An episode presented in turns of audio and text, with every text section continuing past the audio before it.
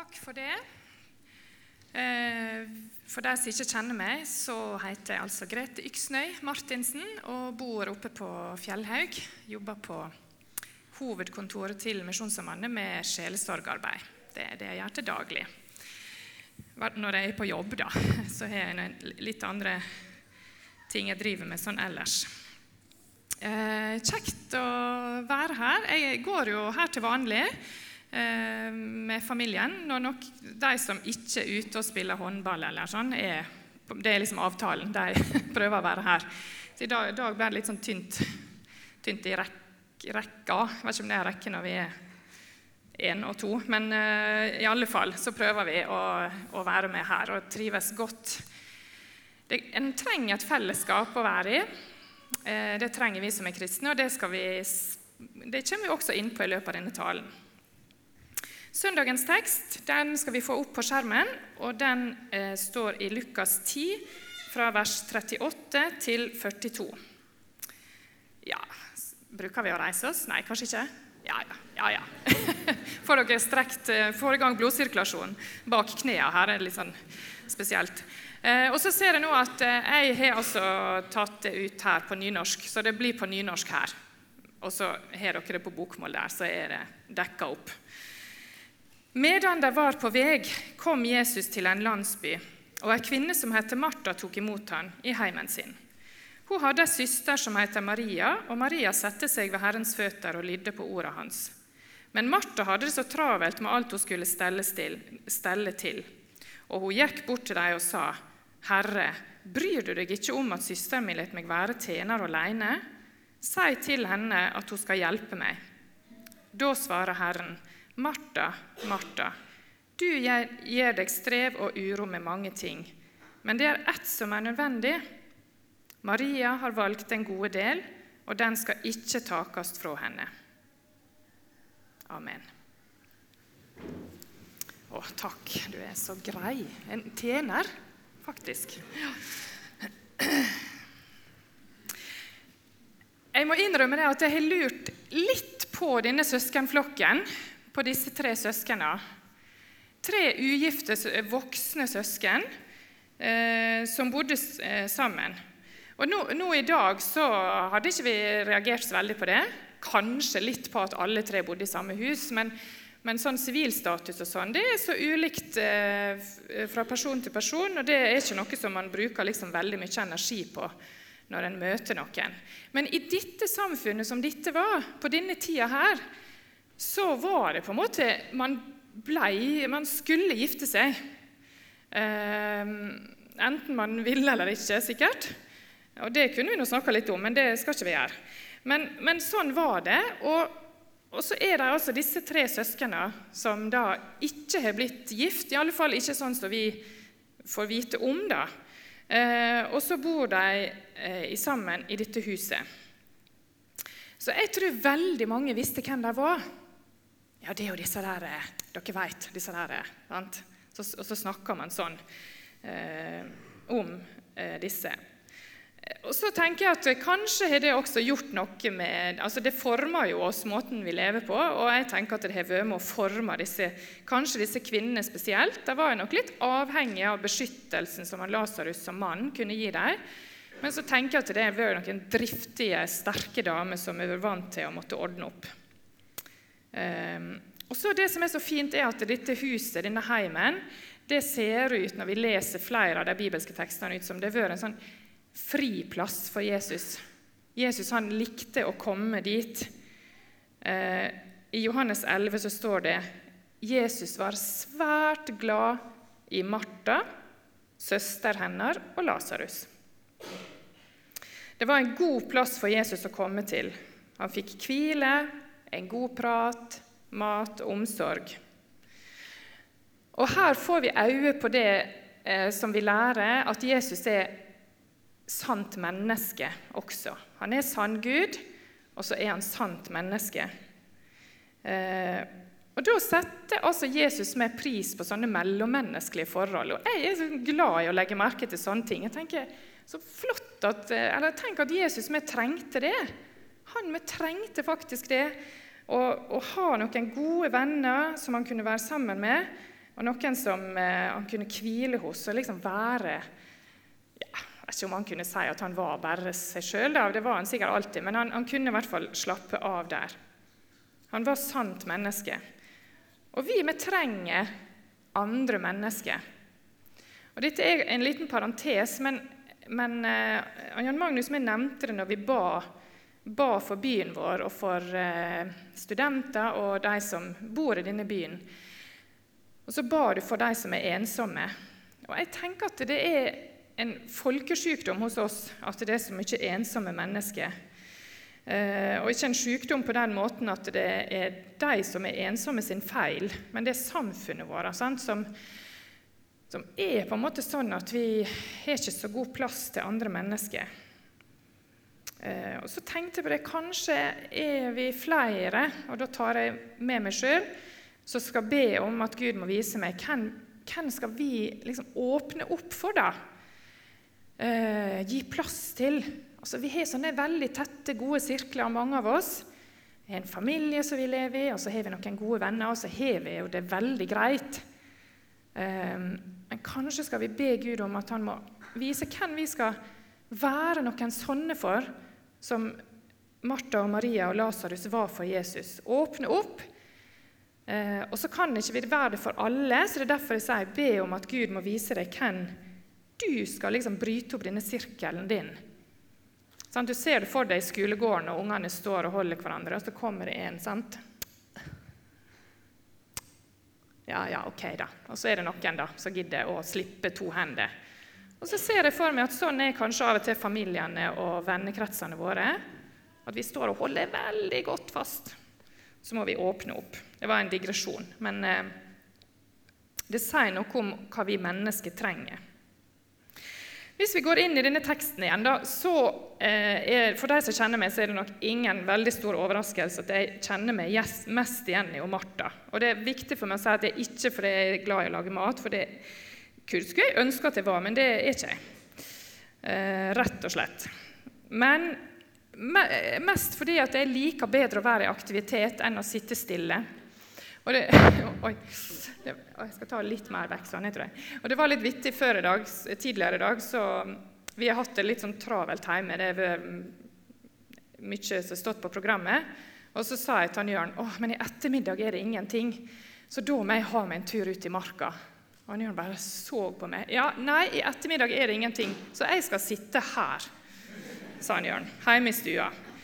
Men du må gjerne gå i marka, men jeg skal sitte her. Så vi slapper altså av på veldig forskjellige måter. For hvis jeg skal sitte der, så slapper ikke jeg av. Men jeg må ha meg en tur ut. Så jeg kjenner meg mest igjen i henne. Jeg kjenner meg kanskje mest igjen i henne fordi at hun er litt sånn at hun sier fra kanskje litt Kanskje jeg skulle av og til tenkt seg om litt lenger. Og det burde jeg meg gjort en del ganger. Tenkt meg om. Eh, men Jesus var veldig glad i Martha. Det står presisert. Det må vi ha med oss. Men jeg ser det veldig godt for meg at Martha hun, hun reiser rundt her, og Maria hun hjelper ikke til. Og det er jo irriterende. Sant? Det er lov å nikke. Det er ganske irriterende når noen ikke hjelper til, som skulle gjort det. Um, men kan, ikke, jeg tror ikke det er bare det at ikke hun hjalp til, som irriterer Martha. Men jeg tror det kan være Dette igjen ikke 100% sikker, men det kan være at hun, og Maria hun bryter jo også vanlig skikk.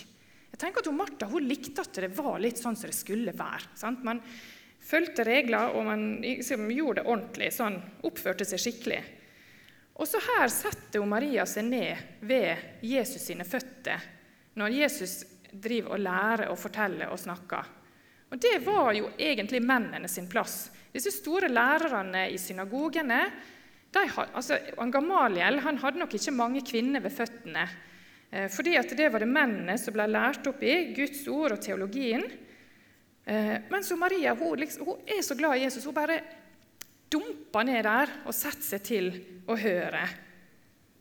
Og så tenker hun Martha seriøst. Dette bryter jo all sed og skikk. Du kan ikke sitte der. Kanskje tenkte hun Maria, du dummer deg ut, til og med. Og så sier Jesus Nei, og Maria hun har valgt en god del. Hun skal få lov å sitte her. Og så eh, blir ikke Jesus beskjemma av denne kulturkrasjen. For at Jesus han, han, gjorde ofte ting litt annerledes. Han brøt en del grenser som samfunnet hadde satt opp. Og så inviterer Jesus eh, både kvinner som var undertrykt, slaver som var, ikke hadde frihet. Han ja, undertrykte de som ikke hadde det så bra, og så inviterer Jesus dem helt inn. Helt inn til sine føtter. Og så sier han Maria har valgt den gode del, og den skal ikke bli tatt fra henne. Og kan, Det kan være når Jesus sa dette, den skal ikke bli tatt fra henne, at Jesus sa det både til Martha, men også til andre som var i rommet. Hovedpoenget i denne teksten det ligger jo nokså opp i dagen. Det er jo ikke en sånn tekst som en kanskje må liksom virkelig skal tro hva dette betyr. da. Sant? Det er en tekst som, som ligger litt, eh, Hovedpoenget litt, ligger litt sånn godt åpent for oss. Og Det er jo dette at Maria velger å ta til seg av Guds ord.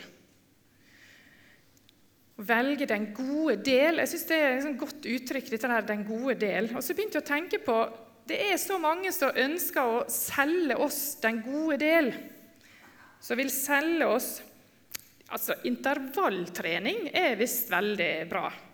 Eller Seven Minutes Challenge kan du være med på. Du kan hive deg på dietter med og uten karbohydrater, med og uten fett, med og uten sukker. You name it. Du finner noe som passer for deg. Mindfulness, sjølrealisering, alt mulig. Så selger samfunnet det inn, og de som vil tjene gode penger. Her er det mye penger å tjene som den gode del. Og så leser vi overskrifter 'Endelig fant jeg balansen i livet'. Sant? Endelig fant jeg det. Og det var fordi jeg slutta å spise bolle, eller hva det måtte være. Og så er det så mange som ønsker å, å presentere ting som den gode del. Og så parentes igjen, jeg, jeg, tror det er bra å ta vare på kroppen sin. altså, det tror Jeg er bra, og jeg tror det er bra å holde seg i aktivitet. Men når det virkelig bryter på djupt vann hos oss, da er på en måte karbohydrat eller ikke, det blir ikke så viktig, da, tenker jeg. Da trenger vi noe annet å lene oss på. Da trenger vi denne gode del. Maria har valgt den gode del. Hun holdt seg nær til Jesus. Og Hvorfor er det så viktig for oss da? Vi lærer, vi lærer jo at frelse er gratis. Det er jo kjempeviktig for oss som er eh, lutheranere, å understreke at frelse er gratis. Den kan ikke vi gjøre noen ting fra eller til på. Og det er helt sant, det. Men vi lærer jo også at trua kan dø. Den kan faktisk dø hvis ikke vi tar til oss næring. Og I, i Gamle Testamentet så møter vi jo profeten Elia. Og han, Etter at han har vært på Karmelfjellet og kjempa med disse Baal-profetene, så er han utslitt og desillusjonert, egentlig. Det er litt sånn rart å lese kontrasten mellom den Elia som kjempa og, og, hadde jo Gud på sin side helt tydelig, og sånn. Og En skulle jo tro at han hadde fått en liksom, kjempehøydere som han kunne leve på lenge. Men etterpå så er han helt nedbrutt og så ligger han ute i ørkenen under et lite tre som han fant skygge for. Så vil han bare dø, faktisk. Og så vekker Gud han to ganger faktisk og gir han mat. Og er, Jeg syns det er veldig morsomt å tenke på hvem som har lagd disse nybakte brødene som han fikk. Gud kan å bake. Så Han fikk altså to, han fikk nybakte brød og vann, og så sier Gud til han, Stå opp og et, for ellers blir veien for lang. Og Jeg tror det er akkurat sånn. Det er det som er eh, essensen. Hvis ikke vi eter og tar til oss, så vil veien bli for lang. Hvis ikke vi tar til oss av Guds ord, lytter til det, leser det sjøl, snakker med andre kristne om det, så kan det kan iallfall skje at trua vår til slutt dør. Og det er ganske alvorlig. Og Kanskje er vi flere som tenker på noen, og så tenker vi at ikke, liksom, at ikke skjønte det, at det var det som var i ferd med å skje. Men vi mennesker vi føler oss ofte sterke, men vi har jo en del veldig tydelige svakheter. Og dette er nok en av dem. Vi har så utrolig lett for å vike av fra veien. 'Å, dette hørtes kjempegøy ut', og så går vi i én retning. Og så 'Oi, nei, nei, men se der'. sant? Og Det er en sånn svakhet som vi mennesker har. Så trenger vi en som sier 'Jeg er veien, jeg er sannheten, og jeg er livet'. Og da trenger vi faktisk ikke så mye mer enn det. Og så har jeg lyst til å si at Når Gud ber oss om å lese eh, og ta til oss av Hans ord, så er det ikke fordi at eh, han eh, skal synes vi er så flinke til det. Men det er akkurat sånn som gode foreldre ber barna sine om å spise. Ikke fordi vi skal synes de er så veldig flinke akkurat til å ja, akkurat Det er en periode vi syns det er veldig stas da, at de klarer det. Men nå, nå har jeg tenåringer, og da, da forventer jeg jo på en måte at akkurat den prosessen skal gå ganske ok. da. Men, men, jeg vil at de skal spise, for jeg vet at hvis ikke så orker ikke de skole og trening og venner og alt det som livet byr på.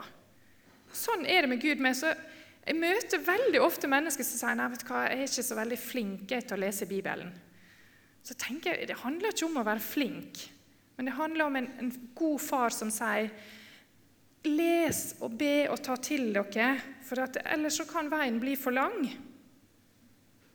Maria hadde valgt den gode del, det som var bærekraftig for Jesuslivet over tid. For Det er det det handler om. sant? Jeg har kjempelyst å bli ei gammel dame. Jeg håper jeg blir det. Og så skal jeg håpe at jeg er klokere enn jeg er nå. Og så håper jeg at jeg kan si det holdt. Sant? Og Da må jeg lese og ta til meg og eh, være sammen med andre kristne. Um, jeg har bare lyst til å anbefale ei bok. Det er ikke sånn kjempeofte jeg gjør midt i talen, da, men Hans Johan Sagerusten har skrevet en bok som heter 'Rik bibelbruk'.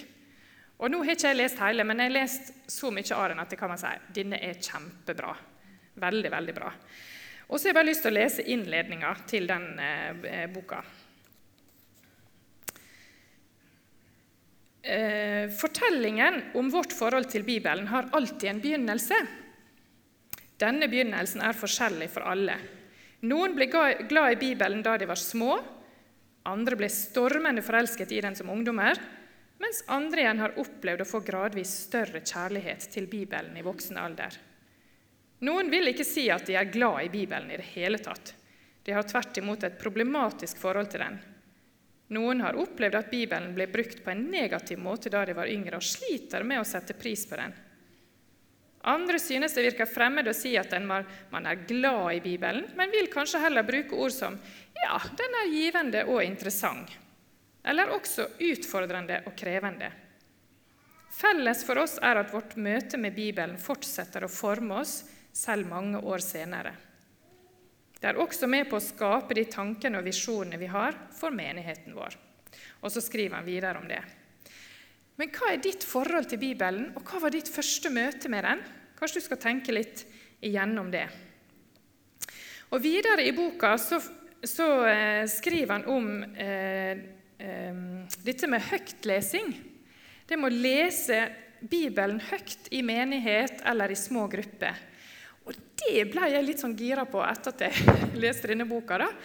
For det, det han sier, det er at når vi leser høyt sammen, uten å nødvendigvis legge det ut Jeg tror vi skal gjøre begge deler. da. Jeg tror vi skal ha tekstutlegging.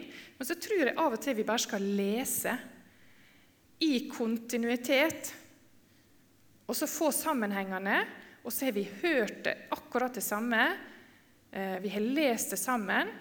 Og så tar vi det med oss derifra. Kanskje skulle det være noe å prøve i gruppe. Og jeg vet at de driver med det i Spydberg og, og leser, har egne samlinger på eh, misjonssenteret der de leser sammen uten å ha en sånn tekstutlegging. Jeg syns det hørtes litt Ja, nei, det ble jeg litt gira på at vi skulle gjort. For det Hans Johan sier Det er jo vanskelig å si noe bedre enn han, da. Det må nå være, så Derfor så bruker jeg han. Han sier rik bibelbruk, sier han. R for regelmessig. Vi trenger regelmessig lesing. Og Det betyr ikke at skuta går ned hvis det var en mandag vi ikke greide det. Men det betyr at vi prøver å få til å lese regelmessig. Dette, det strever jeg med. Og så inn i fellesskapet. At vi leser Bibelen i fellesskap med andre. Leser den høyt sammen. Og så K-en, det er kontinuerlig. At ikke vi eh, leser Bibelen sånn som høna spiser. Sånn etter, og så etter, og så etter, og så etter.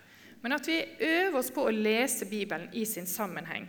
Da vil vi, opp, eh, da vil vi oppdage sammenhenger og dype sannheter som vi kanskje eh, har glemt, eller i hvert fall ikke tenkt på på en stund. Og Maria hun valgte den gode del. Og I Salme 1 så står det om så står det sånn Salme 1. Salig er den som ikke følger lovløses råd, ikke går på synderes vei og ikke sitter i spotters sete, men har sin glede i Herrens lov og grunner på Hans lov dag og natt.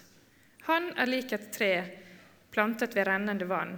Det gir frukt i rett tid, og løvet visner ikke, og alt han gjør, skal lykkes. Nå skal vi gå mot en avslutning, men jeg må si litt om Martha da, til slutt. Fordi jeg tror jo at Martha sin iver i tjenesten den sprang også ut fra en djup kjærlighet til Jesus. Og Det er ikke dumt å være ivrig. Tenk om vi ikke hadde hatt ivrige folk her i misjonssalen. Da hadde det vært traudig å komme hit. Det hadde ikke vært kaffe på bordet og ikke vært lys, og ingen gadd å sitte på teknikken. og vi trenger ivrige folk i tjenesten. Eh, kanskje skulle vi alle tenke at vi flere av oss som skulle hjelpe til litt mer enn vi er. Iver i tjenesten det kan springe ut av en djup kjærlighet til Jesus. Men så må også den ivrige passe på å få påfyll og velge den gode del. Det er noen aktive valg som vi må ta. Som ei avslutning på talen så skal vi lese høyt sammen. Eller jeg skal lese, og så skal dere få eh, se på det. Og så hadde jeg lyst til at vi eh, Når vi har lest de versene, så ber jeg bare en kort bønn, og så kanskje de kan stå oppe bare sånn i 30 sekunder. Og så ser vi litt på dem i stillhet. Og så tar du, Jan Magnus, eller dere, når det er dere kjenner at nå var det greit. I Salme 119 fra vers 9 til vers 16 står det noe godt om hva dette å leve med Guds ord handler om. Og Så står, begynner det med 'hvordan holder den unge stien sin rein', men jeg tror kanskje vi skal si at dette gjelder oss alle. Hvordan holder den unge stien sin rein? Ved å ta vare på dine ord. Jeg søker deg av hele mitt hjerte. La meg ikke gå meg vill bort fra dine bud. Jeg gjemmer ditt ord i hjertet, så jeg ikke skal synde mot deg. Velsignet er du, Herre, lær meg dine forskrifter. Leppene mine regner opp alle lovene fra din munn. Dine lovbud viser meg vei. De gir like stor glede som all rikdom. Jeg vil grunne på dine påbud, feste blikket på dine stier. Jeg fryder meg over dine forskrifter. Jeg glemmer ikke dine ord. Jesus, hjelp oss til å leve nært ditt ord, til å ta til oss av det du gir oss, slik at veien ikke blir for lang for oss. I ditt navn. Amen.